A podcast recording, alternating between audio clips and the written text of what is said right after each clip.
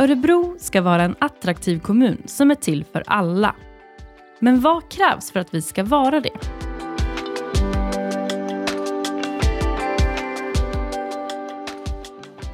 I Sverige har vi en lag som säger att kommunen har planmonopol.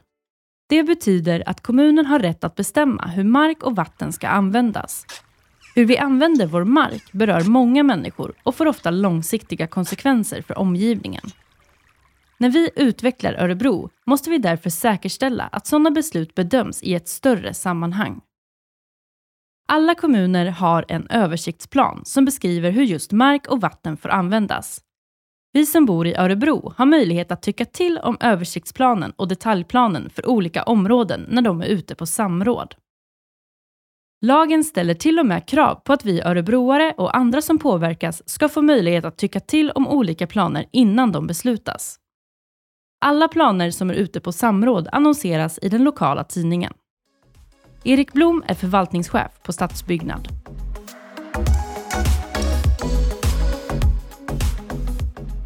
Örebroarnas åsikter är otroligt viktiga för oss. Ofta kan boende i ett område ha helt andra detaljkunskaper om området och därför är deras synpunkter värdefulla för oss. Det är inte alltid vi kan tillmötesgå önskemålen, men vi har ofta hjälp av dem och om vi inte ändrar planen utifrån inkomna synpunkter så behöver vi motivera varför vi inte gör det. De beslut som tas ska bidra till att alla örebroare får bra förutsättningar att leva i Örebro, både idag och i framtiden.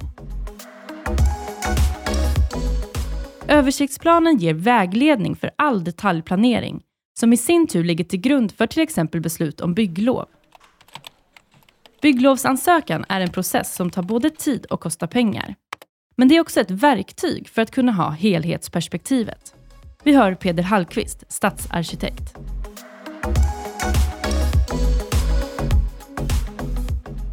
När en privatperson eller ett företag ska bygga nytt kan det vara svårt för den som bygger att ha ett helhetsperspektiv på hur byggnationen kommer att påverka omgivningen.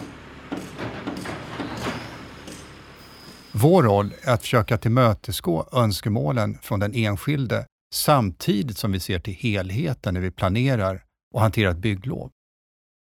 För att till exempel en tung industri inte ska etableras i ett bostadsområde, att grannar inte ska påverkas negativt av ett nytt hus, att trafiksituationen ska vara säker, att vatten och avloppsnätet räcker till, att översvämningsrisken i området inte utgör en risk och att bullernivån inte stör nattsömnen. Det handlar också om att skydda kulturmiljömärkta byggnader och värdefull natur som har stor betydelse för våra livsmiljöer utifrån ett långt perspektiv. Vi behöver alltså söka bygglov när vi vill bygga nytt eller ändra en byggnad för att kommunen ska kunna se hur det påverkar omgivningen. Men också för att säkerställa att vi följer lagar och att vi bevarar och skyddar det som är viktigt.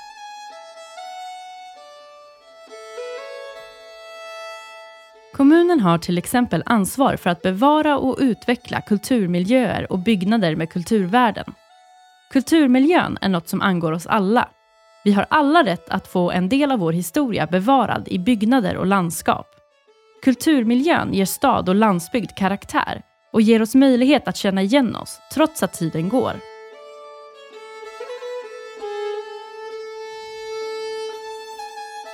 Men hur påverkar detta oss som bor i områden med högt kulturvärde? Erika Ek är stadsantikvarie.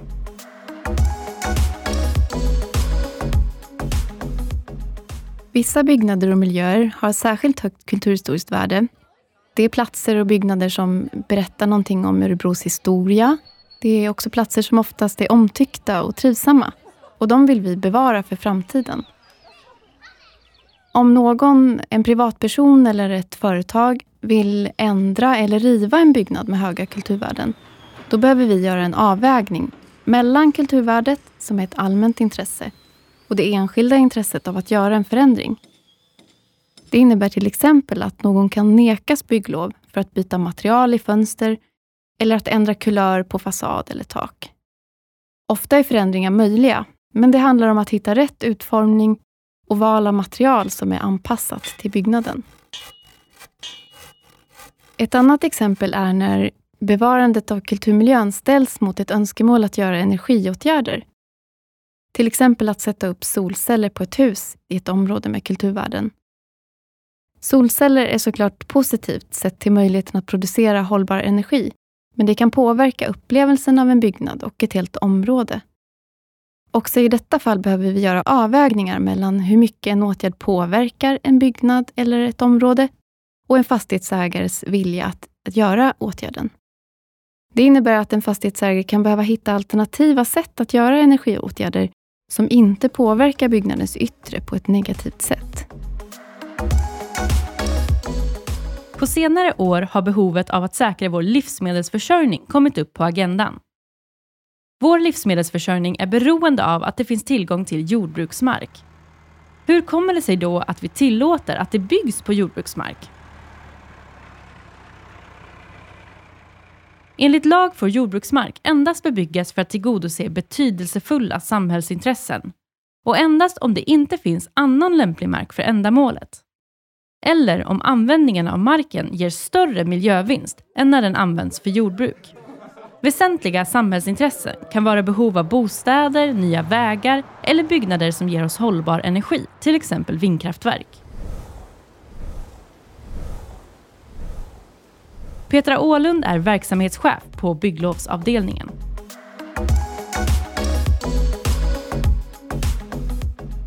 Även om miljöbalken ger oss rätt att nyttja jordbruksmark för väsentliga samhällsintressen så innebär det en negativ effekt ur ekologisk synvinkel. Därför måste olika intressen hela tiden vägas mot varandra och ses ur ett större perspektiv. Bostadsbrist kan vara ett betydelsefullt samhällsintresse som gör att vi får bygga bostäder på jordbruksmark. I till exempel Ormesta har vi bedömt att behovet av bostäder väger tyngst medan vi i Marieberg har bedömt att jordbruksmarkens betydelse är det som blir avgörande. Innebär det att vi får bygga en enskild villa på jordbruksmark om behovet av bostäder i det området är tillräckligt stort? Petra Ålund igen.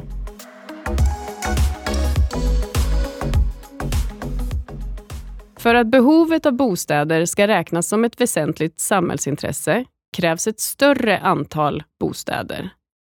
En enskild villa bedöms inte vara ett väsentligt samhällsintresse. Därför kan det vara utmärkt för ett bostadsområde i översiktsplanen på jordbruksmark även fast ett enskilt hus inte beviljas bygglov just där.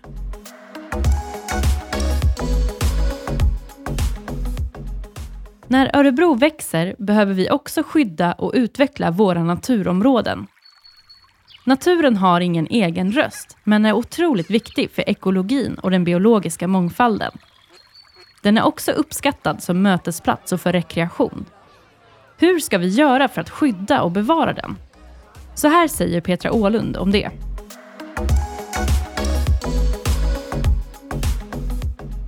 Ett sätt att säkerställa att ett område bevaras som grönområde är att märka ut det i detaljplanen.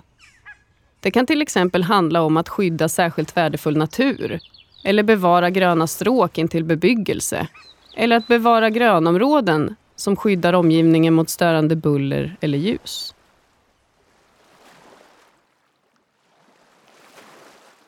Ett annat verktyg är strandskyddet. Det finns till för att värna växt och djurlivet som ofta är extra rikt vid strandkanten. Det finns också där för att trygga allemansrätten så att alla får tillgång till stränderna. Om vi vill bygga nära vatten behöver vi därför söka strandskyddsdispens. Men möjligheten att få det är begränsad. Det finns undantag för när vi får bygga vid vattnet och de är reglerade i miljöbalken. Naturvärden värnas också genom att vi har långsiktiga mål och strategier för hur vi ska bevara och skydda våra naturområden. Ett av våra största och mest omtyckta grönområden är Oset, som förr var känt som Örebros baksida. På 1990-talet, när det var stor arbetslöshet i Örebro, påbörjades ett arbete med att förverkliga kommunbiolog Mats Rosenbergs vision om att göra om Örebros oljehamn, sopberg och fula baksida till ett böljande beteslandskap och fågelparadis. Restaureringen av Oset tog 20 år och innebar att många örebroare fick jobb under en tuff tid. Idag är Oset ett av Sveriges rikaste fågelområden och hem för många olika djurarter. Det är också en självklar mötesplats och utflyktsmål för oss som bor i Örebro. Stadsarkitekt Peder Hallqvist igen.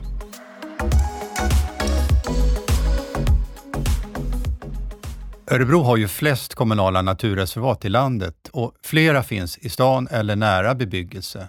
Till exempel Oset, Rynningeviken och Varbergaskogen. Inom Örebro tätort har nästan 90 procent mindre än 300 meter till ett större grönområde. Det här är ingen slump utan en målmedveten satsning på naturområden. När vi nyttjar naturmark för att bygga ett nytt bostadsområde använder vi naturmark med låga kvaliteter och ser samtidigt till att förstärka andra naturområden som har bättre förutsättningar. Det kan till exempel handla om att skapa en ny park eller möjligheter för naturlek i befintliga skogsområden. Det har vi bland annat gjort i Voxparken och Varbergaskogen. Det kan också handla om att skapa parkeringsplatser för att öka tillgängligheten eller grillplatser för att öka användandet av naturområdet. För att Örebro ska kunna fungera och utvecklas och vara en bra plats för alla behöver vi ha mål, visioner och strategier för framtiden. Översiktsplanen beskriver hur Örebro ska utvecklas de närmaste 25 åren. Tillsammans med strategiska planer för bland annat grönfrågor, arkitektur och byggande, trafik och hållbar utveckling säkerställer översiktsplanen ett helhetsperspektiv för att det ska bli så bra som möjligt för alla. Både för oss som lever här idag och för kommande generationer.